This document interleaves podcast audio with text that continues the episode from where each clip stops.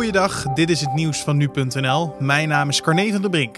Ruim 300 mediamakers en journalisten hebben in een manifest aangekondigd een mediameldpunt racisme en discriminatie op te richten. De ondertekenaars willen meldingen van racisme en discriminatie in journalistieke mediabedrijven of producties actief gaan registreren en actie ondernemen tegen bedrijven uit de sector die zich bewust of onbewust schuldig aan racisme en discriminatie maken.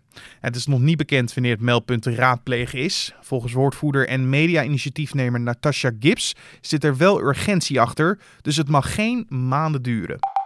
Volgens Wilfred Gené was het met terugwerkende kracht misschien beter geweest om de speciale uitzending van Veronica Insight over racisme niet te maken. Dat zei de presentator zondagavond bij Op1. Want volgens hem waren uiteindelijk de gasten misschien wel de twintigste keuze. Gené reageert hiermee op de ruzie die is ontstaan tussen hem en zijn tafelheren Johan Derks en René van der Gijp. Volgens beide heren werden ze door de presentator voor het blok gezet. Gené vindt het nog moeilijk in te schatten of ze weer bij elkaar komen. Komt dit programma er volgend jaar weer? Ja, dat kan ik hier toch niet vertellen. Ik bedoel, Nou ja, ziet je wat- kan toch zeggen wat jij denkt? je ziet wat de emoties zijn van deze twee mannen. Dat heeft mij ook heel veel gedaan. Het is toch verschrikkelijk als je met mensen werkt. Ik vraag 20 het aan jaar. jou. Ja, daar kan ik geen antwoord op geven, Jeroen. En als ik het antwoord wel weer zou ik het je niet vertellen. Want dat vind ik, dat moet je onderling bespreken.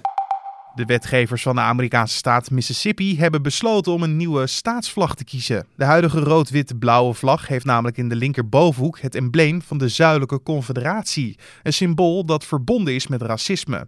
Zowel in het Huis van Afgevaardigden als in het Senaat hadden de resolutie de benodigde tweederde meerderheid.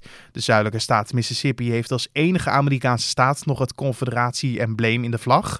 De vlag is voor tegenstanders onlosmakelijk verbonden met slavernij en onderdrukking. En hoe de nieuwe vlag van Mississippi eruit gaat zien is nog niet bekend. Corendon gaat alsnog vliegvakanties naar Turkije aanbieden. Dat heeft topman Steven van der Heijden zondag gezegd in het programma Dit is de Dag op Radio 1. Volgens de topman wordt Corendon onrechtvaardig behandeld ten opzichte van andere vliegmaatschappijen die wel naar Turkije mogen vliegen. De realiteit is dat in de weken nadat wij weer willen gaan vliegen, er maar liefst 70 vluchten rechtstreeks naar Turkije vliegen. Al dus van der Heijden. Hij denkt dat het niet duidelijk is dat er zoveel vluchten naar Turkije gaan, waardoor Corendon nu meer op de radar staat. Het bedrijf gaat vandaag nog wel in gesprek met het ministerie van Infrastructuur en Waterstaat. Daarna komen ze met een definitief besluit. En tot zover de nieuwsupdate van nu.nl.